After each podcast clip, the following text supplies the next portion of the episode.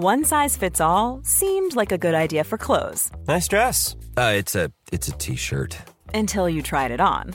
Same goes for your healthcare. That's why United Healthcare offers a variety of flexible, budget friendly coverage for medical, vision, dental, and more. So, whether you're between jobs, coming off a parent's plan, or even missed open enrollment, you can find the plan that fits you best. Find out more about United Healthcare coverage at uh1.com. That's uh1.com. Hey, it's Ryan Reynolds, and I'm here with Keith, co star of my upcoming film, If, only in theaters, May 17th. Do you want to tell people the big news?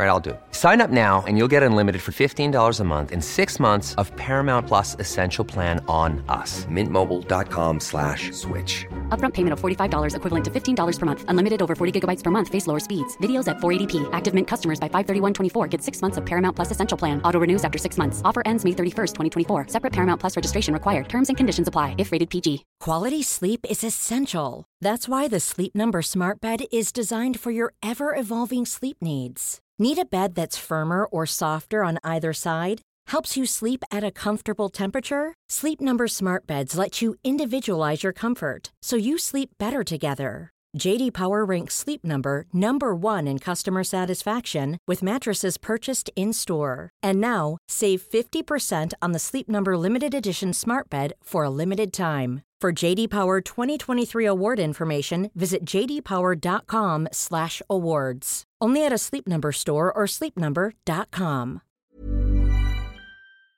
Folk kan jo ikke se deg, men du har tatt på deg en skjorte med korte ermer. Eh, For det er en stil du har omfavnet denne sommeren. Eh, Og noen vil kanskje si, kanskje jeg, og i hvert fall søsteren min, eh, at du ligner på Charlie Sheen. I Two and a Half Men. Ja. Ja. Men jeg tar den. Men det er derfor jeg også egner meg i et lydformat, og ikke i et visuelt format. Jeg liker deg begge deler, da.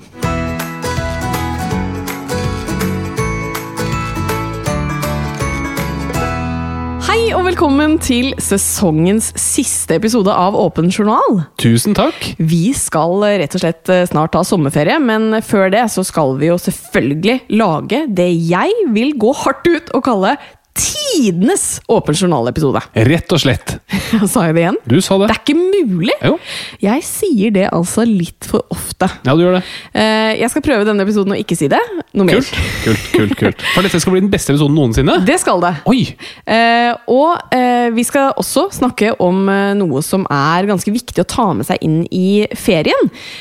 Og det er noe som det er ekstremt viktig å kunne noe om. Og det fikk vi jo alle se i fotballkampen mellom Danmark og Finland. Det skal handle om førstehjelp, og dette er et tema som er aktuelt nå i sommer, men selvfølgelig også ellers. Og så skal vi også gi dere noen gode råd som dere kan ta med inn i ferien. Så dagens tema er altså førstehjelp og gode ferieråd. Fengende tittel. Ikke sant? Og vi skal snakke om hvordan du får sommerkroppen. Skal vi det? Ja, For det er ikke for sent. Eh, Nei, det begynner å nærme seg for seint. Ja, Men det er ikke det. Ok, Du har tydeligvis noen gode råd du har lyst til å dele. Det Yes. gleder jeg meg til. Og så skal vi få besøk av ferieklare Helene Olafsen. Hurra! Du har eh, meldt eh, fra om at du har noen gode tips eh, for å få sommerkroppen 2021. Og jeg tenker jo at ja, det begynner jo å bli litt sent, men hva er de gode rådene? Jo, de gode rådene, det er ganske enkelt. Fordi når man tenker på sommerkroppen, så gjør man det jo for å være attraktiv. ikke sant? Man vil, være liksom, man vil møte et eller annet ideal om hva som skal være en trent og slank kropp. Det er gjerne det man higer etter. Men da har jeg et mye bedre tips, fordi det som er attraktivt, det er jo folk som er trygge på seg selv. Altså selvfølelse. Og det å ha en litt stor kropp, men å ha god selvfølelse, det er veldig mye mer attraktivt enn å ha en slank og trent kropp hvis man ikke har noe selvfølelse. Og den selvfølelsen, den kan man få ganske fort. Ja vel? Ja. Ja, det vil jeg gjerne ha gode råd til hvordan man kan få. Eh, Ja, det kommer vi til etterpå. Men, oh, ja. men det var første råd. da. Så hvis du skal ha sommerkroppen, bare bli trygg på deg selv. Ja. Bli glad i deg selv. Vær stolt av den kroppen du har. Det, det er det mest sexy som fins. Mm.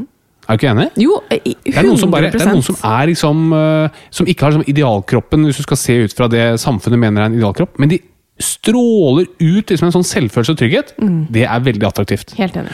Og dette handler ikke om å være selvsikker, høy på seg selv. Det handler om å være trygg på seg selv. At, du, at du viser at du trenger ikke å holde inn magen, trenger ikke være flau for å vise deg bare overkropp sånn. Supersexy. Ja, jeg er helt enig. Og så eh, Dagens tema er jo annet eh, førstehjelp. Og jeg tenker at er det noe man eh, blir liksom minnet på når man snakker om det, er at livet kan være langt, og det kan være kort. Altså, du vet veldig lite om hva som skal skje. Og da tenker jeg at det er utrolig kjedelig å bruke mye tid av livet sitt på å irritere seg over at man ikke har eh, tynne bein eller eh, stor mage. Altså, det er livet for kort til. Ja, helt enig. Og så Du ba om noen konkrete tips. Hvordan får man den selvfølelsen? Mhm. Nei, du, må, du må først tenke hva er det som gjør at jeg ikke har den selvfølelsen. Ja. Kan det er et eller annet som forteller at du ikke har den, og sannsynligvis er det måten du snakker til deg selv på. Ja. Og Da er det den du må jobbe med. Ja. Og Vi har snakket om det før, da jeg drev med helsetips. Å stå og se seg selv i speilet og bare gi seg selv komplimenter, eller hver dag si noe hyggelig til seg selv. Da bygger man sakte, men sikkert opp selvfølelsen. Og så tenker jeg at det er veldig fint å gi litt komplimenter til hverandre. Det er du veldig god på å gi til meg. Ja, Eh, og det bygger min selvfølelse. Så Det er helt riktig. ikke bare vær flink til å gi det til deg selv, men kanskje også til de du bor med, eller de du er glad i. ja Kanskje du også skulle begynt å gi litt eh, komplimenter? Det kan jo være et sommerforsett. Ok, Ja. da er vi veldig spente på resultatet av det. ja. Men da ble jeg litt nysgjerrig hvis du skulle laget en låt som heter Sommerkroppen, da. Ja. Eh, som handler mer om selvfølelse. Hvordan Ja. ville den gått? Den ville vært ha troa på deg selv. Ikke hør på de andre. Drikk lett Mozell, for med sukker er bare dumt. Ha troa på deg selv. Ikke hør på de andre. Det er veldig ensformig her. Det var refrenget. Ja. Vil du høre min? Ja. Sommerkroppen er nå her. Drikk en liten lettbrus der. Men husk også å spise masse is, for sukker, det gir også litt fis. Noe sånt? Fordi du var jo veldig på lettbrus. Jeg tenker at Ja, må, Folk må jo få lov til å kose seg litt i ferien også. Du kopierte lettbrus, Ja. og dette var en julelåt. Ja, men det Sorry, men jeg synger fortsatt for Bernhard, jeg synger eh, nattalåter. Det er julelåter. Ja.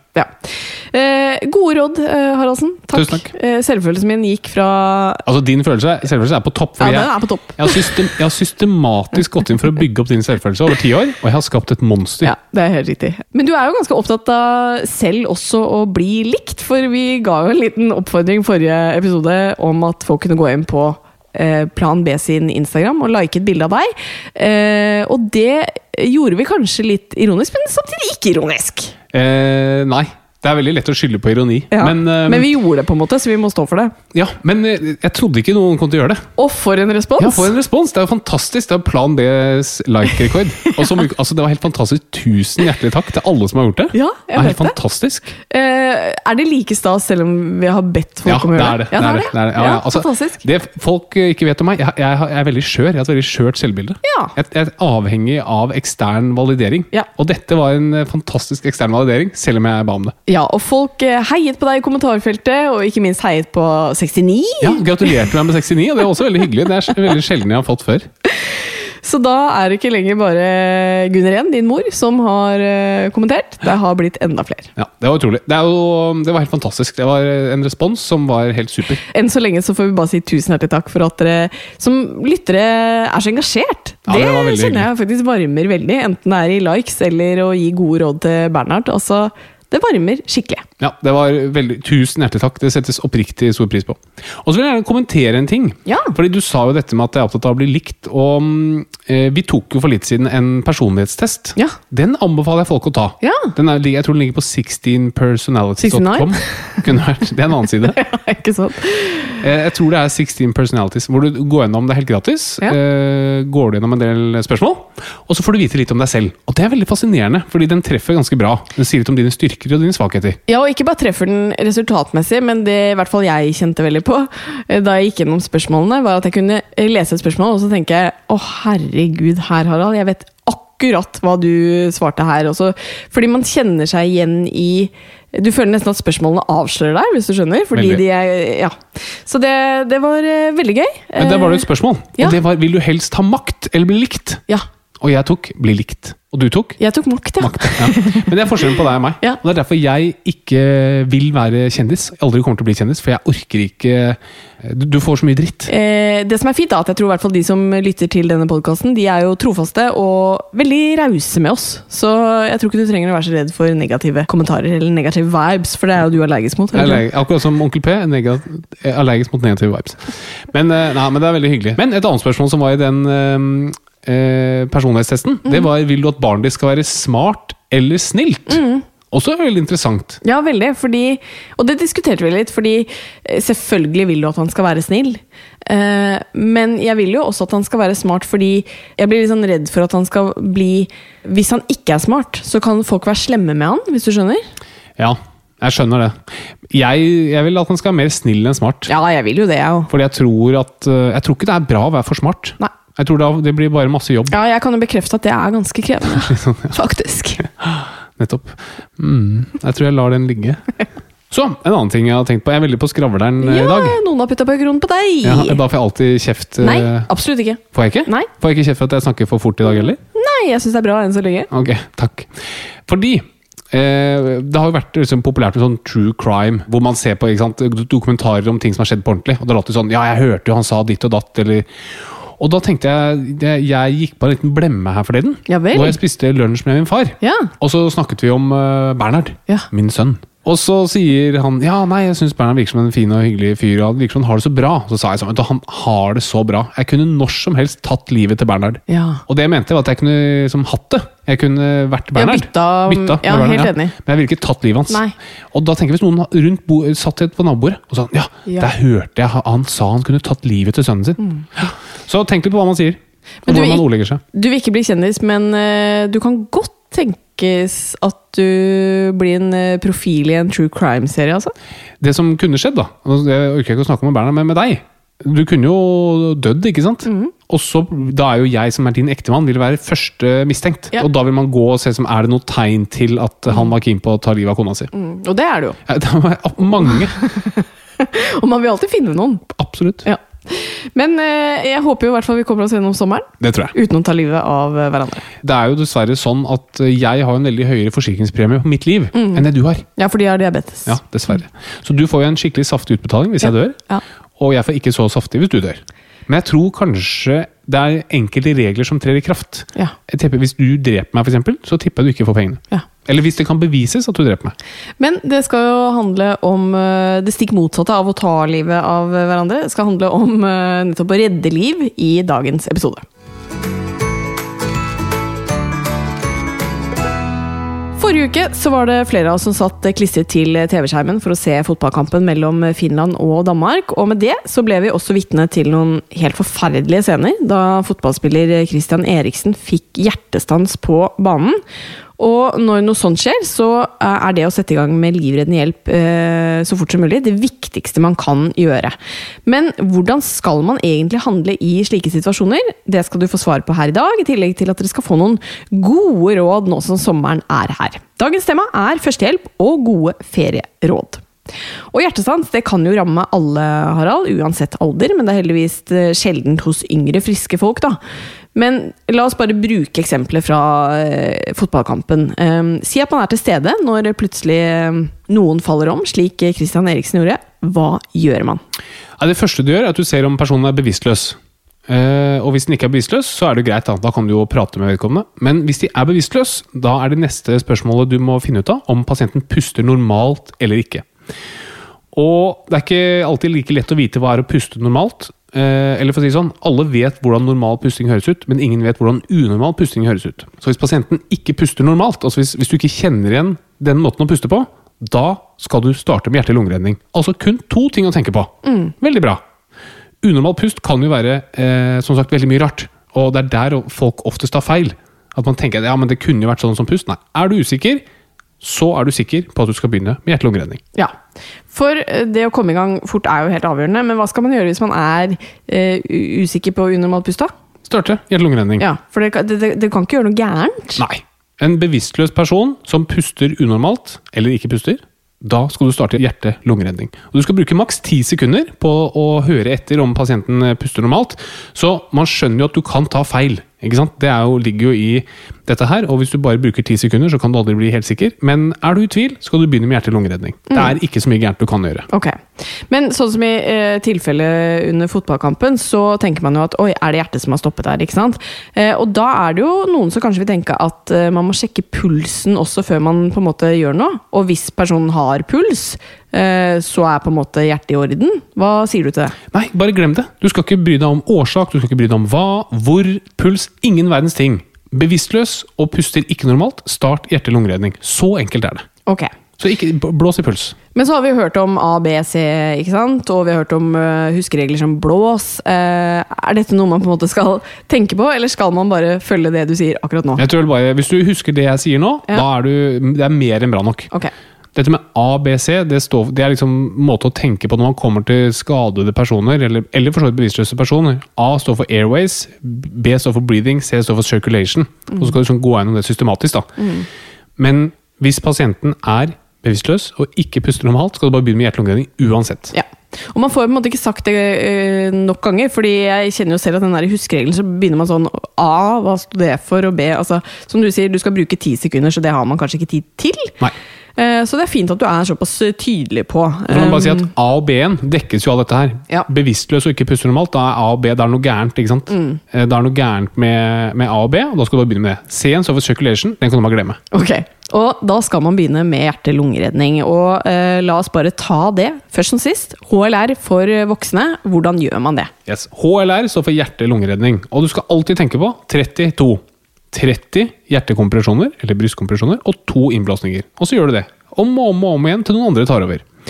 Hjertekompresjoner det gjør du jo ved å legge hendene dine midt mellom brystene til pasienten. og Så presser du ned brystet ca. 5-6 cm, og det er ganske mye. På gamle mennesker så knekker ribben når du gjør det. Det er helt greit. Eh, Og tempoet, det er a, a, a, a, staying alive, staying alive. Det er det tempoet du trenger å huske på. Så teller du 30 ganger, og så to innblåsninger. Em, og så kan det være lurt å ha pasienten liggende på ryggen når du gjør dette her, og på et hardt underlag. Og det er helt greit å bruke tid på å få pasienten i en bra stilling. Så se for deg en som får hjertestans i senga eller i et flysete f.eks. Bare bruk den tiden det tar å få pasienten ned på gulvet, så du får gjort jobben ordentlig. Ofte er det sånn når man begynner med hjerte-lungeredning, så må du gjøre det ganske lenge, og det er ganske tungt, så pass på at du har en akseptabel eh, stilling. da. Å sitte og gjøre dette på folk i senga på en myk madrass, det vil heller ikke ha noe særlig effekt. da. Nei. Så få de ned på gulvet. Og du kan ikke gjøre noe gærent! Det er det er det viktigste beskjeden. 32, og du kan ikke gjøre noe gærent. Kjør på! Hvis det er noen som er flinkere enn deg, det er det folk er redd for. da. At jeg er ikke flink nok eller smart nok. eller noe sånt. Hvis det er noen som er flinkere enn deg, så kommer de og tar over. Bare sett i gang. Eh, og hvis du er redd for å begynne, så bare husk at Harald har sagt at du skal gjøre det. Og så skal jeg, Harald, ta på meg skylden hvis noe går galt. Dette er pasienter som har veldig lite å tape. ikke sant? Her er det noe alvorlig galt. Så du har ingenting eh, å tape her. Kjør på. Og er man flere til stede, så kan man jo f.eks. at én tar eh, seg av hjertet, en annen tar av innblåsninger, og så kan man bytte på litt, for det er som du sier, veldig tungt, da. Yes. Men det du skal tenke på, bare start eh, 32, og så hvis det kommer en, eh, flere til, eh, tilkall hjelp selvfølgelig, eh, kommer flere til, så organiserer det. Men du som bare begynner med hjerte-lungeredning, du er den viktigste, bare fortsett og fortsett. 32, 32. Ok, eh, det er voksne. Ja, Hva med HLR for barn? 32. 32. Hjerte-lungeredning, 32. Barn, voksne barn, alltid det samme. Eh, Jo mindre barnet er, jo mer forsiktig kan du være med disse kompresjonene. Da. Så vi sa på voksne er 5-6 cm. På de aller minste barna så holder det med 1-2 cm. Men et eller annet sted mellom der, det er bra. 32. Finnes det mer optimale måter å gjøre det på når det kommer til barn? Ja, det gjør det. Og på sykehus så er det litt andre ting. Der bruker man f.eks. 15-2 eller 3-1, andre sånne ting. Og da vi ble undervist på medisinstudiet, så sa vår underviser ta 32 til alle sammen. Eh, og så sa jeg men, men spedbarn skal jo ha sånn og sånn, og voksne, litt mer voksne barn skal ha sånn og sånn. Og så sa han det blir altfor mye å huske på. Og da husker jeg at jeg var veldig uenig.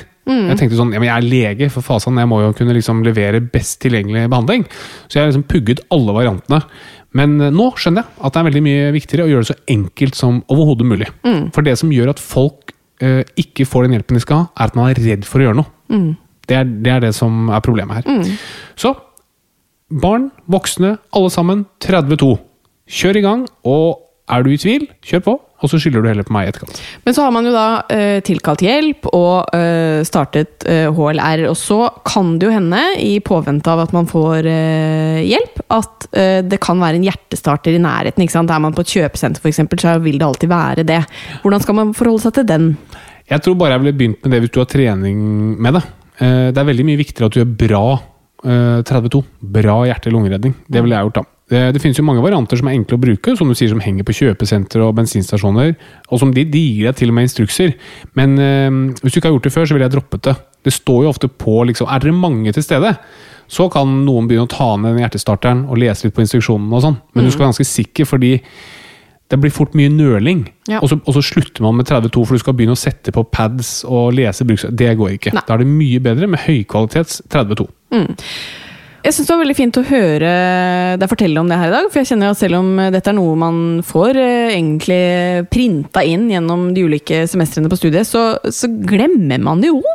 Ja da, man gjør det. Og nå er det sikkert eh, to år siden jeg har gjort det sist på en eh, pasient, så man blir litt eh, rusten. Men gjøre det enkelt og um, bare, bare komme i gang og få gjort det, er veldig viktig. Og det er jo ofte sånn at på sykehuset så øver man jo på dette en gang i uka. Fordi det er så viktig å ha det i, i fingerspissene. Jeg tror nok at en del av dere som hører på, vil komme ut for situasjoner som dette, hvor dette her trengs. Og da hadde det vært hyggelig å høre om det. Mm. Send oss en melding på Instagram hvis dere har vært eh, ut for noe sånt og kunnet bidra. Helt enig.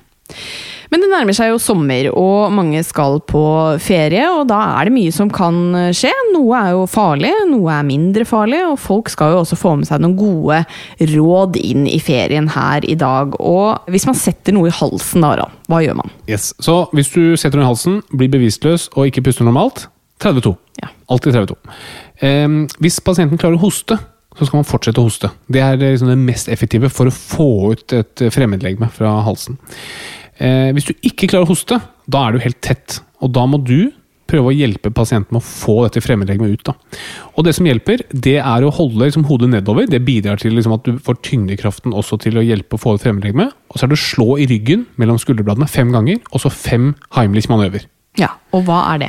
Så Heimlich manøver, da står du bak pasienten, og så tar du den ene hånden rundt uh, mot magen Altså du tar én hånd på hver side av pasienten, så tar du den ene knytt, knyttede hånden din og legger rett over navlen til pasienten. Tar den andre hånden og legger over den knyttede hånd. Altså skjønner Du du står nå og har en ring rundt eh, pasienten. Yes. Litt over navlen med knyttet eh, neve. Og så trekker du innover og oppover.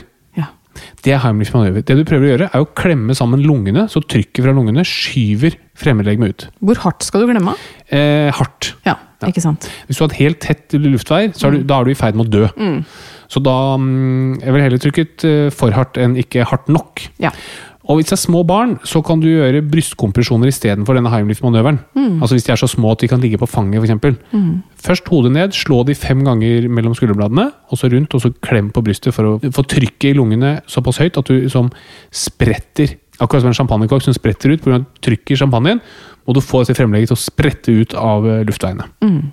Så fem slag mellom skulderbladene, fem Heimlich-manøver. Hvis ikke det fungerer, da? Da er det fem nye slag, Ja. fem nye Heimlich. Ok. Det her er jo ting som eh, jeg nesten blir sånn dårlig av å snakke om, for det er sånn eh, skummelt. Eh, men det er jo ting som kan skje i sommer som ikke er så farlig også, da. F.eks. så kan man bli solbrent. Hva er det man kan gjøre for å beskytte seg, og ikke minst barn, best mot å bli solbrent i sommer? Nei, det er jo veldig enkelt. Det er å unngå sol, sitte i skyggen, bruke klær som dekker mye av kroppen, eventuelt sånne telt, sånne UV-telt, og bruke masse solkrem. Ja, Og hva er forskjellen på solfaktor 30 og solfaktor 50? det kan du fortelle. Det er veldig lite, da. Ja. Solfaktor 30 det blokkerer 97% av UV-strålene. Solfaktor 50 blokkerer 98 Ja. Så det er veldig lite forskjell. da, 97 til 98% Så det er bedre å bruke eh, f.eks. 30 og ta på ofte. Ja. For du sliter av og svetter av. Ikke sant. Eh, hva gjør man eventuelt hvis man får flåttbitt i sommer, da?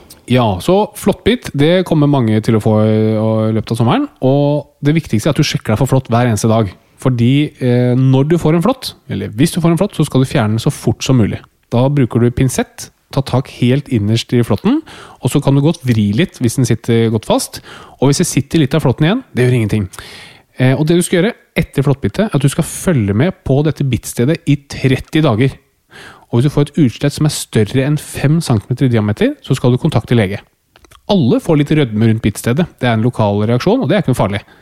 Men får du et utslett som er mer enn 5 cm i diameter, skal du kontakte lege. Eller hvis du blir slapp, eller får hodepine eller muskelsmerter de første 30 dagene, skal du også kontakte lege. Men det er veldig få som blir syke av eh, flått, og hvis flåtten sitter under 24 timer, som de fleste flåttene gjør, så er også sjansen veldig liten for å få alvorlig sykdom. Det er bra. Det er bra. Så kan man jo kutte seg i fingeren, man kan tråkke på noe, man kan falle og kutte seg og få kuttskader. Og hva er det som skal sys, og hva er det som bare kan plastres? Ja, så Når man syr et kutt, så handler det egentlig om å gjøre to ting. Du reduserer risiko for infeksjon, og så gjør du arret så pent som mulig. Og når man syr, så bruker du bare sytråd til å lukke et gap i et sår. Det er det eneste du får gjort, da. Så hvis det ikke er noe gap i huden, da får du ikke sydd. Så hvis du har et skrubbsår, for eksempel, da har du bare skrapt av hud. Da er det ikke noe gap, da får du ikke sydd. Da er det bare plaster, altså rensing og plaster som vi kan gjøre. Og hvor stort skal gapet være? Der har vi litt forskjellig terskel basert på hvor på kroppen det er. da. Så i ansiktet for eksempel, så er vi mye opptatt av å få et penere arr enn hvis du har et sår på beina. Eh, og Der finnes ikke noen sånn helt klar cutoff, da. Men, men, et gap i huden eh, som du lurer på om skal sys, da tror jeg faktisk jeg i sommer vil bruke videolege. For det kan være veldig greit å bare kjapt og enkelt å få en vurdering, Ja. eller bare dra til legevakten for å få en vurdering. Ja. Husk på, nedsiden er ganske stor, infeksjon eller stygt arr, eh, hvis du bommer på det, og Mm. nedsiden må dra til legevakta en gang for mye, den er veldig liten. Ja, det er helt enig. Da kan du heller kjøpe en is, eh, ta det som en tur, hyggelig tur, og så kan man heller bli snudd på venterommet. Ja.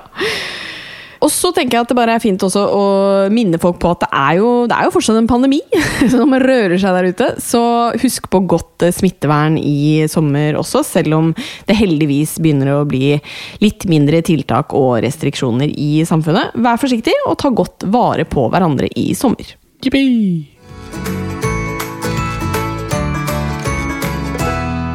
Vi har fått inn et lyttespørsmål denne uka, og dette har jeg ikke tenkt på før, men jeg synes det er et veldig interessant spørsmål, for det er nemlig en som spør hva skjer egentlig hvis en kvinne tar Viagra?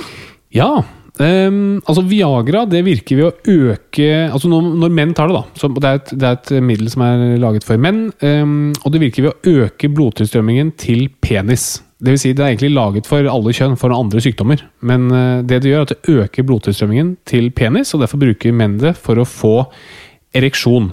Men du må som mann også ha lyst. Altså du må, ha, du må bli opphisset for å få ereksjon. Det er ikke sånn at du bare tar Viagra, og så mm, får du en ereksjon. Så hvis du putter i drinken til noen, eksempel, hø, hø, hø, så får du ikke ereksjon av det. Eh, Og du får heller ikke mer lyst på sex av Viagra. Eh, Men for kvinner så kan det også øke blodtilstrømmingen til underlivet. Og for noen så kan det bidra til økt opphisselse, og noen opplever mindre plager som eh, tørrhet og smerter i underlivet ved samleie. Så, og, det, og Viagra er et veldig trygt legemiddel. Så hvis du opplever f.eks. manglende opphisselse eller manglende nytelse når du har sex, da kan man absolutt uh, diskutere å ta Viagra sammen med legen. Ok, Ja, spennende. Det visste jeg ikke at man kunne. Men, Nei, Det er derfor du er her. Ja, det er derfor jeg er her. Det og flere andre grunner. Men uh, hvis du lurer på om det kan være noe for deg, da, så kan man ta det opp med legen. Yes. Ja.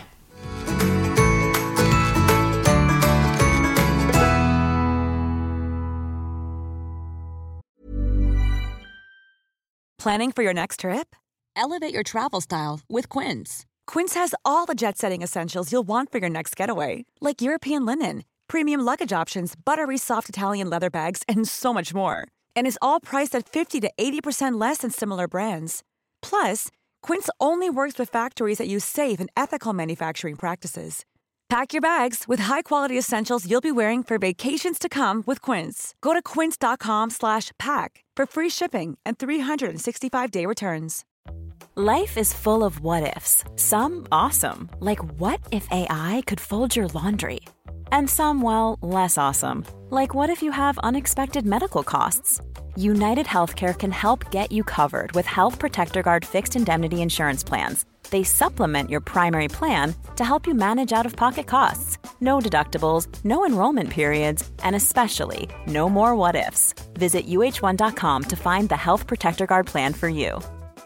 Quality sleep is essential. That's why the Sleep Number Smart Bed is designed for your ever evolving sleep needs. Need a bed that's firmer or softer on either side? Helps you sleep at a comfortable temperature? Sleep Number Smart Beds let you individualize your comfort so you sleep better together. JD Power ranks Sleep Number number 1 in customer satisfaction with mattresses purchased in-store. And now, save 50% on the Sleep Number limited edition Smart Bed for a limited time. For JD Power 2023 award information, visit jdpower.com/awards. Only at a Sleep Number store or sleepnumber.com.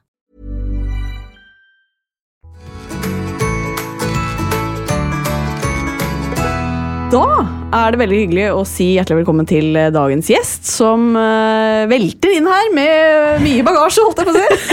Ja, sånn er det alltid. Sorry. det er veldig hyggelig, Helene. Helene Olafsen er dagens gjest. Hei, hyggelig å se dere, Katarina og Harald. Ja. Takk for det. Hvordan er det med deg? Du, det er nydelig. Nå Ja. er det litt ferie, eh, som er veldig godt. Begynner å komme liksom, nyt, For å nyte litt. Det Ja. er på tide. Ja, for jeg eh, sa det til deg rett før vi gikk på her nå, at eh, jeg er så imponert over at du har klart å jobbe gjennom hele perioden med småbarn. Ja. Fordi det gjorde du helt siden fødsel. ja. Jeg hadde et par uker av, da. Men eh, nesten, ja. Ja. Eh, og som jeg også sa, så er det ikke sikkert jeg hadde gjort det igjen. Nei? For det er en grunn til at man ikke gjør det. Ja. Det er eh, slitsomt. Og, men det er alltid sånn lett å være etterpåklok, og jeg var veldig sånn jeg visste ikke om Mm. jeg skulle jobbe eller ikke da jeg hadde født. Og så fødte jeg, og så var det plutselig pandemi, og ingen visste noen ting. Og alt var usikkert, og plutselig så var jeg veldig glad for at jeg hadde en jobb i det hele tatt. Og Mm. eh, så føltes det riktig da, så jeg tok det valget basert på det jeg følte da. Ja. Eh, ettertid så er det kanskje kunne jobba litt mindre, men eh, det løste seg, det òg. Ja. Og vi har hatt det fint, og det blir folk av du også. Det, det ordner seg, det der. Men hva skal du da bruke tiden på nå, når du først har ferie? Åh, godt spørsmål. Eh, jeg skal prøve å pusse opp huset ferdig. Ja. Det har jeg tenkt til. Og så skal jeg bade masse. Eh, leke litt. Være litt mer i bevegelse, rett og slett. For det har det ikke blitt så mye av eh, de siste to åra. Ja, ikke sant. Men um, det betyr at du kanskje ikke har vært så mye aktivitet. Det betyr at treningen ikke har liksom eh, gått som den pleier, da? eller? Ja, jeg har liksom alltid tenkt at jeg er en veldig sånn aktiv person. Det er jo eh, Jeg har drevet liksom Hatt veldig lett for å bare være i aktivitet naturlig. Men eh, da jeg ble gravid, så var jeg plutselig hadde liksom ikke noe overskudd. Så da ble det ikke noe. Og så kom Louis, og da var det veldig tungt å begynne på igjen. Eh, så jeg har jo trilla turer og sånn, selvfølgelig. Men eh, ikke noe særlig mer enn det. ass. Det er veldig deilig å høre, for jeg er helt lik. Hæ, jeg ser at du driver og jogger intervaller og sånn. Ja, men det har tatt eh, Nå gjør jeg det. Ja, men jeg har ikke begynt ennå. Og du fødte for Jeg eh, fødte før deg, i hvert fall. Men eh, jeg kjenner meg igjen i det. At det er veldig Eller sånn Jeg har også tenkt at eh, jeg skulle trene under svangerskap, og man kommer seg fort tilbake og sånn, men det er helt eh, Jeg er ikke, har ikke vært i nærheten. Nei, det har vært veldig lite. Så, men eh, litt er bedre enn ikke noe. Så jeg prøver å få bitte, bitte litt eh, hver dag, da. Du kom jo hit på sykkel, Det gjorde jeg. og du hadde med riktignok en pose med øl på styret. Men Ja, det viser kanskje at du, ikke sant? Det er en Ja. fin balanse i livet ditt. Ja. Ja, det syns jeg er en fin balanse. Men uh, hva er det du gjør nå, da, for å liksom være i aktivitet? Gjør du noe som helst? Du sykler. Ja, eh, jeg, jeg, gjør det. Det er ikke tull. Ja, jeg vet, så det med sykkel. Jeg er Førstehåndsberetning om deg på sykkel. Ja, eh, jeg gjør det. Og så prøver jeg å gjøre sånn Jeg prøver å lure meg selv til å gjøre én ting om dagen. Ja, det har jeg sett. Ja, En eh, liten ting. Og det hjelper. Da føler jeg meg veldig mye bedre. Men får du gjort det hver dag? Jeg prøver det, altså. Ja. men det kan jo være sykkel, for eksempel. Da. Så i dag har jeg gjort min gjennom dagen. Ja. Mm. Har du noen andre eksempler på en ting du har gjort? Ja, jeg kan for eksempel eh, svømme til Bøya. Det er én ting om dagen. Hvor langt er det til Bøya? Det er, er 50 meter eller noe sånt. Ja, men det er bra. Ja, Hvor ligger Bøya, fort. Katarina? Jeg vet ikke hvor Bøya ligger. Nei, der ser du. Men Harald har et prosjekt som ligner litt, skjønner du. Ja, ok. Har jeg det? Ja. Ja, jeg tar pushups hver dag. Ja. ja. Ja. 124 er vi på nå. Oi! Ja, ja, ja. Ja, Det er ikke noe tull. Men jeg kan også sånn gå Hvis jeg triller med Louis, så går jeg bort til en sånn eh, Da sovner han, og så går jeg bort til en sånn park. eh, gjør hangups, våkner han, går tilbake. Da har jeg gjort en om dagen. Mm, Ja. veldig bra. Ja. Ja, for du har jo laget en eh, Instagram Hva skal man kalle det? Spalte? Det Det var veldig formelt. Ja. Ja. ja. Mm. Men er det, er det liksom litt fordi da blir du tvunget til å gjøre det? Eh, ja, kanskje litt. Men jeg er jo veldig dårlig på å følge opp meg selv. Da. Så jeg, har, har ikke, jeg har ikke lagt ut noe på en stund. Men jeg gjør det fortsatt selv. Da. Ja, ja men det er bra. Ja. Men syns du generelt at du er flink til å liksom ta vare på helsa di, eller er du ikke det? Uh, ja, jeg føler egentlig det, sånn generelt. Men jeg er ganske sånn uh, chill på det. Eh, kan spise usunt over lengre perioder. Spiser sikkert usunt hver eneste dag. Spiser is, to-tre is hver dag i siste tida. Men det er jo helse i det òg, tenker Ja. jeg. Det er mye helse. Mye Ja. god mental helse. Ja, det er man blir glad. Og Ja. jeg tror jeg er best på hjernehelse, egentlig. Ja. Ja. Hvordan At det er da? Sånn, nei, jeg, jeg, jeg liker å gjøre ting som gjør meg glad. Ja. Prøver å prioritere de tinga. Ja. Eh, og det trenger jo ikke nødvendigvis å være en løpetur. Eh, Det kan like gjerne være en eh, øl, eller en eh, Det var dårlig eksempel, beklager å være dårlig forbilde, men nå fordi vi snakket om det i stad. Men eh, ja, det kan være liksom å ta middagen ute, på en måte. Ja. Ja. Men tror du at din terskel for å si at du er i altså aktivitet er litt høyere enn andres? Fordi du dro jo rett fra på en måte senkveldavslutning til eh, Du har jo vært i fjellet og gått med bæremeis og, Ja, eh, ja, jeg har sikkert det. og sykkel og altså Det har jo vært noen greier eh, som jeg har sett, i hvert fall. Ja, Men jeg kaller det i hvert fall ikke trening. liksom. Men det er kanskje også fordi at, det er nettopp fordi at jeg har en bakgrunn der jeg har trent veldig mye. og Jeg er drittlei av å trene, så jeg driver ikke liksom med det. Jeg Nei. gjør bare ting jeg syns er gøy nå. Du er ferdigtrent? Ja, egentlig. Men det er sånn, sånn vi hadde jo, det er, jeg tror jeg er helt riktig, Katarina, at man eh, har litt ulike terskler for hva man kaller trening og ta godt vare på helsa si. Vi hadde jo Bernt Hulsker her for noen uker siden, og han mener jo selv han spiser ekstremt sunt. Ja. Og synes han spiste forrige uke, det var sånn Fjordland ferdig-kjøttkakerett. For der var jo noe brun saus eh, Ja. som han var helt overbevist om at var veldig sunn. Men hvordan er dere på det? Fordi vi eh, som småbarnsforeldre har lagt eh, om til et kosthold som er som jeg ville skamma meg over uh, før jeg fikk barn. Ja, fortell. Det er sånn type fiskegrateng og pommes frites. Uh, oh ja, ne, ja, men jeg kjenner meg veldig igjen i fiskegrateng. Ja. For litt siden hadde vi fiskepinner. Ja. Det har vi ikke hatt siden 91. Det Liksom. er undervurdert. Ja, det var dritgodt! Ja. Men uh, spiser dere det fordi det er veldig lett å lage? Ja, ja, 100 også. ja. Fiskepinner er bra, da. Ja, jo Ja. Men altså, det, er ikke, liksom, det er ikke sjokkerende å spise fiskepinner en gang i uka. Men, eh, men jeg har faktisk for vanen å ha fiskegrateng i fryseren fordi ja.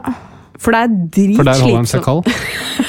Nei, men Det er kjempegreit å ha ting som står i frysen, som du bare kan ta av uh, pappen på, sette inn i uh, ovnen, Ja. lager seg selv. Det er så mye verdt. det. Jeg vet det. Åh, det er livskvalitet, dette. Mm. Men uh, selv om du kanskje ikke trener så mye nå, da, så føler jeg at du er jo eh, du er vant til å være i veldig god form. Du har jo vært idrettsutøver i veldig mange år. Hvordan vil du liksom si at helsa har vært opp igjennom? Har du, har du vært ved god helse? Og eh, jeg tror jo kanskje ikke at toppidrett nødvendigvis er eh, sunt. Det tror jeg ikke. Uh, og jeg har hatt fryktelig mye skader, uh, og det er jo ikke noe sånn jeg ville brukt for å definere sunnhet. Um, har pusha kroppen hardt, men samtidig så har hatt det veldig mye gøy òg, da. Og liksom, så det er jo et et mattestykke, et regnestykke som skal gå opp, selvfølgelig. Men uh, jeg, jeg føler at jeg har ganske god helse, men fryktelig mye skader. da. Så jeg har jo litt sånn Har jo dårlige knær, liksom. Ja, fordi det lurte jeg på, merker du eh, Har du liksom senskader? Ja. Ja, hva da? En, ene kneet mitt er ganske ødelagt. Det er liksom artrose og Mm. Ja. Så der har jeg tatt absolutt alt som er mulig å ta. Menisk, korsbånd, leddbånd eh, Ja, ikke bakre korsbånd, da, men eh, det meste. Jeg har operert masse. Men har du rekonstruert eh, korsbåndet? Ja, opptil flere ganger. Men er det nå? Er det nå et eh, bånd Det er et rekonstruert Ja, det er- ja. korsbånd der nå, ja. Ja. Hvordan merker du at du har et dårlig kne? da? Hele tiden. Bedre når det er varmt, da. I været. Som- Du kan få sånn reise til Gran Canaria. du. Ja, jeg vet det. Som værsjuk. Uh, ja, nei, jeg kjenner det egentlig stort sett hele tiden, da. Men uh, man blir jo, jeg blir, har blitt vant til å leve med det. Men det begrenser jo bevegelsene. Mm. Og så er det vondt, selvfølgelig. Og så kan jeg ikke løpe lenger. Eh, jeg gjør det en gang, sjelden gang iblant allikevel, bare fordi jeg syns det er deilig. Men eh, det blir jo mindre og mindre deilig jo dårligere form man kommer i, så jeg slutter sikkert helt med det snart. Mm. Ja, det er ganske Det er ikke bare bare altså Toppidrett er jo ikke spesielt sunt, egentlig. I hvert fall ikke sånn eh, fysisk hard idrett som du gjør dette med, med mye knall og fall. Så nå bærer man jo litt eh, kostnaden der, da. Ja, jeg gjør det. Men jeg ville gjort det samme igjen, så jeg kan jo ikke si at det var dumt. Nei. Vet du hvor mange skader du har hatt? Eh, Nei. Nei. Er det over en million? Nei, det er det ikke. Var det svaret på spørsmålet ditt?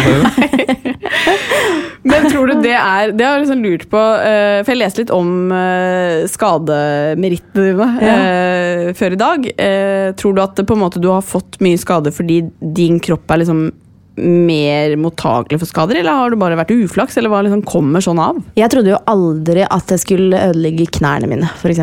Um, og jeg har jo jeg har hatt mye sånn voksesmerter og sånn, og liksom, da jeg var yngre, og litt sånn strekkskader og sånn. Men aldri noen bruddskader. Jeg har hatt kjempe, kjempesterkt skjelett. Helt i toppen av skalaen der. Ja. Uh, og, og har alltid trent veldig sånn helhetlig, følte jeg sjøl da, i hvert fall. Jeg gjorde det.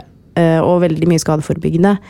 Så jeg trodde jo aldri at jeg kom til å ødelegge knærne, men så plutselig så skjedde det på en sånn helt sånn, sånn freak accident. Så det falt ned fra en boks, liksom.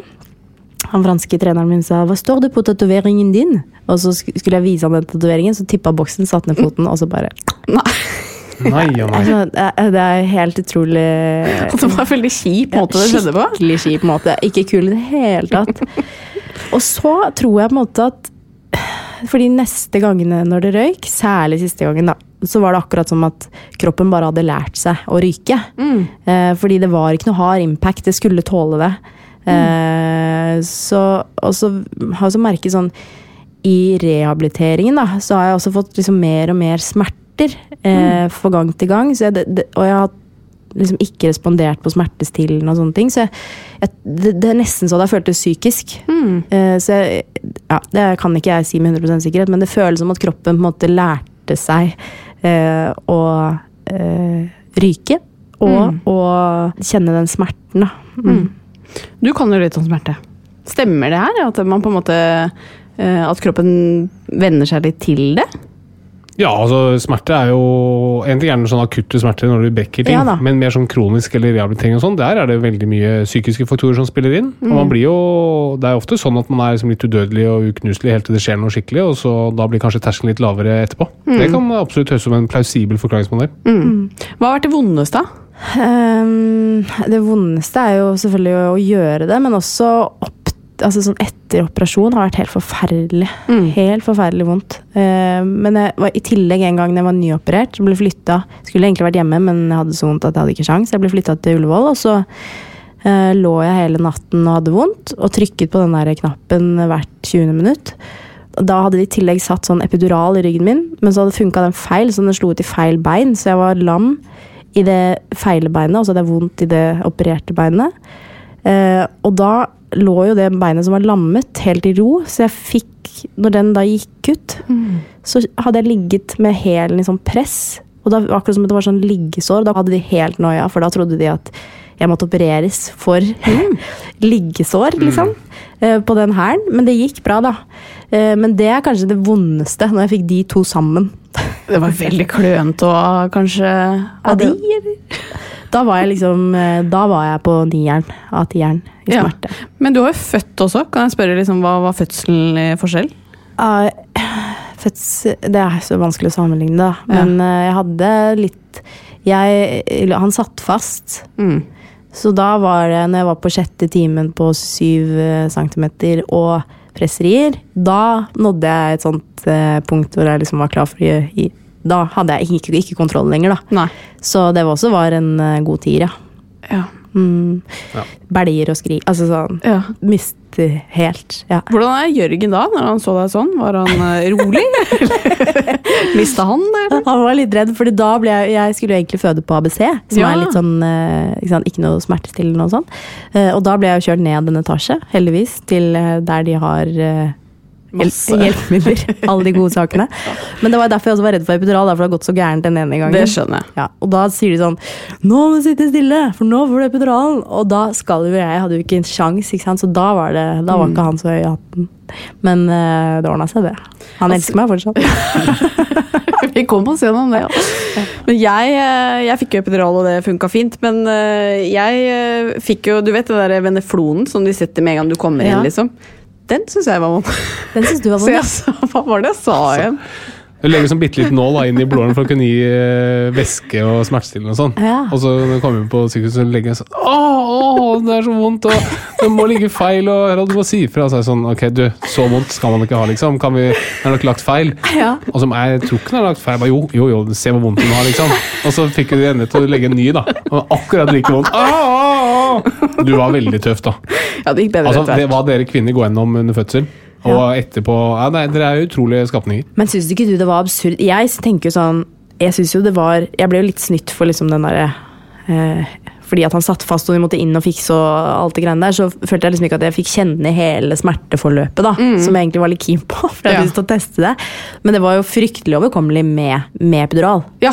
Ja. Men det er det også. Jeg fikk jo epidural veldig tidlig. Ja. Eh, så jeg syns jo det gikk egentlig veldig fint, jeg, ja, fødselen. Fram til liksom eh, pressriene og han Altså, det, eh, for å gi litt detaljer, folkens, så er det liksom Når babyen ligger i liksom skjeden Ikke sant? Du- Skjeden. Skjeden. Mm.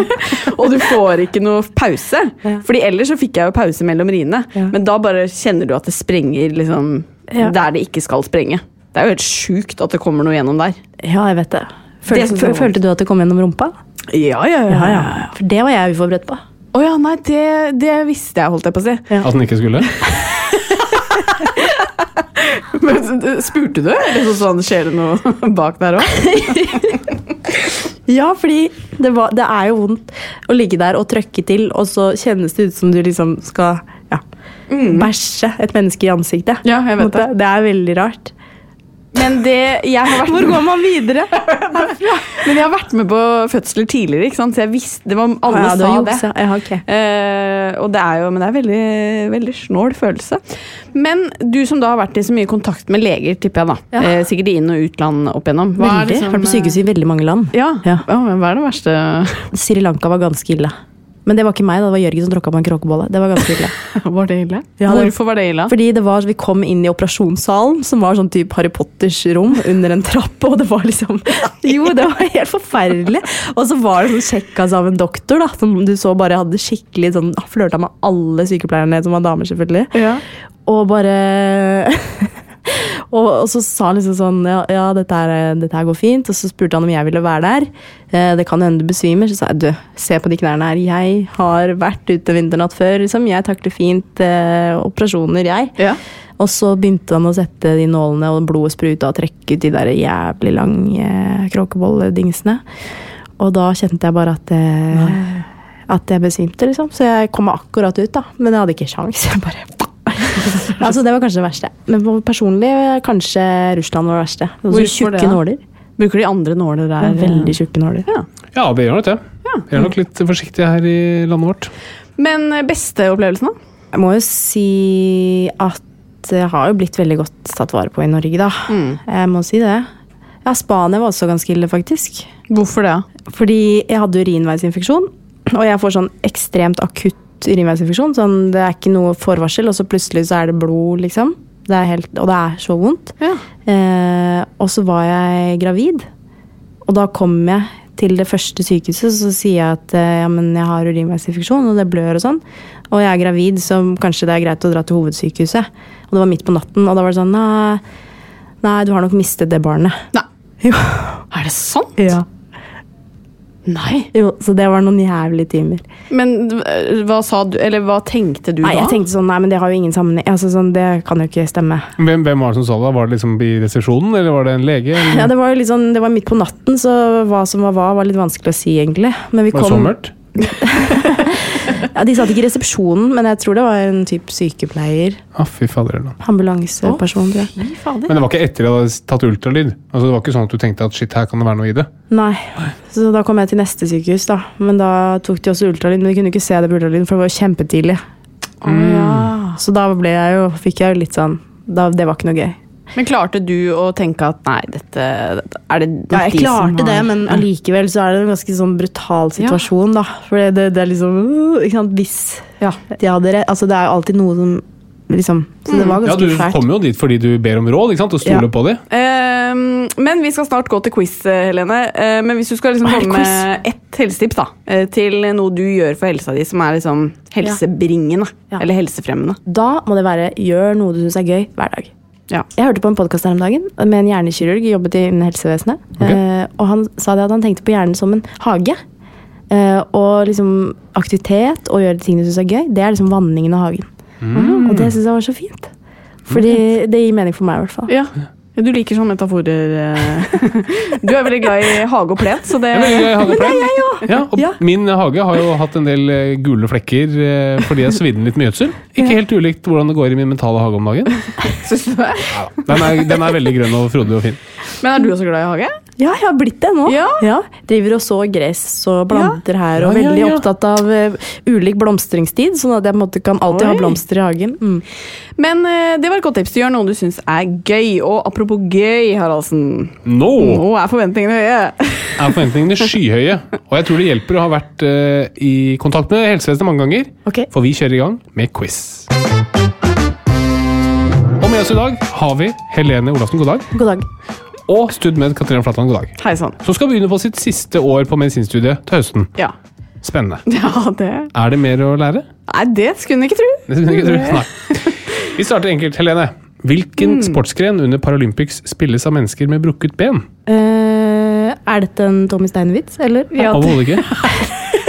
det er tøys og tull. Det vet du ikke. Jo, det hører jeg på spørsmålet. Nei, det er umulig å høre på spørsmålene. Man, man får ikke være med i Paralympics hvis man har brukket benet. Katarina? Nei, det er sant. Jeg, samme som Helene. Cricket. Ja, ikke sant. Eh, neste spørsmål. Katarina, Ja. hvor ofte brekker noen et håndledd i Norge? Oi! Annenhver dag. Helene? Hver sjette time. Åh, hver halvtime. Hæ?! Ja, poeng til Helene. Det var ofte. Er ikke det Får jeg ofte? poeng for det? Ja, det, selvfølgelig. Det er mye. Altså, hun er tredje dag, hun har ingen peiling på noen ting. Hver andre tak. Eh, Helene, Ja. hvor mange kvinner som bor i Oslo, vil få et brudd etter at de fyller 50 år? Oi. um, 70% Katarina? 40. Ah, 50 Oi. Katarina får poeng. Katarina. 1-1. Men tenk deg, halvparten av alle Ja, er kvinner over 50 vil få et brudd. Helene, hva er det medisinske ordet for benskjørhet? Osteoporose. Katarina? Ja. Ja, helt riktig.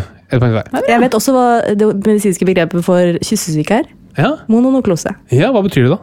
Eh, det betyr uh, munn og Og Klovsyke? Ja. Mono. Mono er jo én. Eh, ja, det er helt riktig. Ja. Så ose, altså på ose betyr hva tilstand. da. Mono, én, nukleus. altså Det betyr at du har veldig mange, en tilstand, ose, hvordan mange celler med én stor kjerne. Mononukleus. Nukleus er kjerne. Mo, ikke sant? Ja. Men det er likt, eller?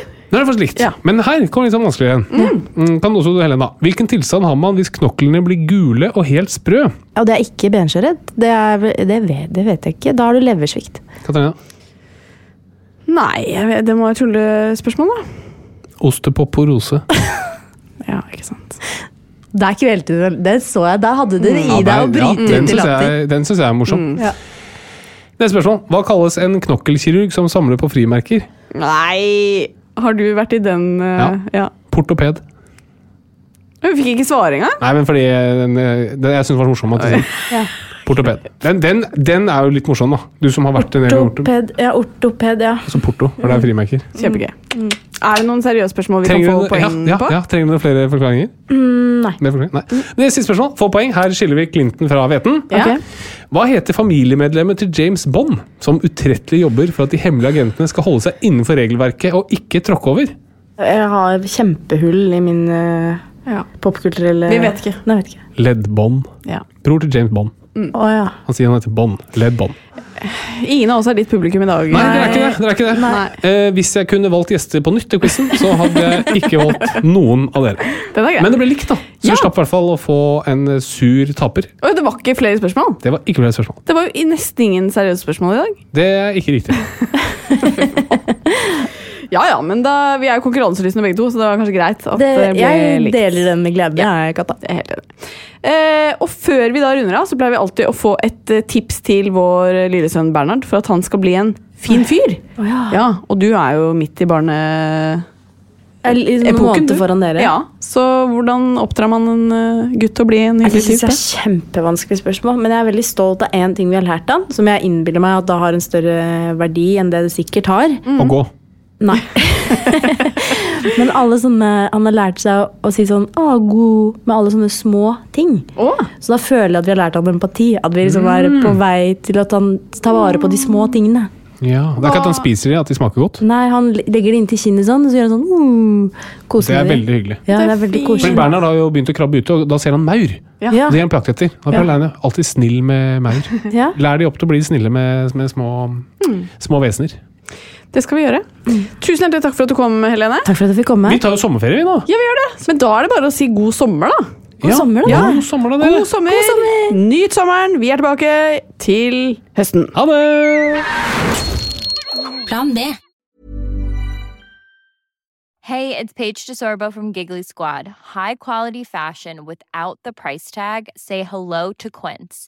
I'm snagging high-end essentials like cozy cashmere sweaters, sleek leather jackets, fine jewelry, and so much more. With Quince being 50 to 80% less than similar brands. And they partner with factories that prioritize safe, ethical, and responsible manufacturing. I love that. Luxury quality within reach. Go to quince.com slash style to get free shipping and 365 day returns on your next order. Quince.com slash style.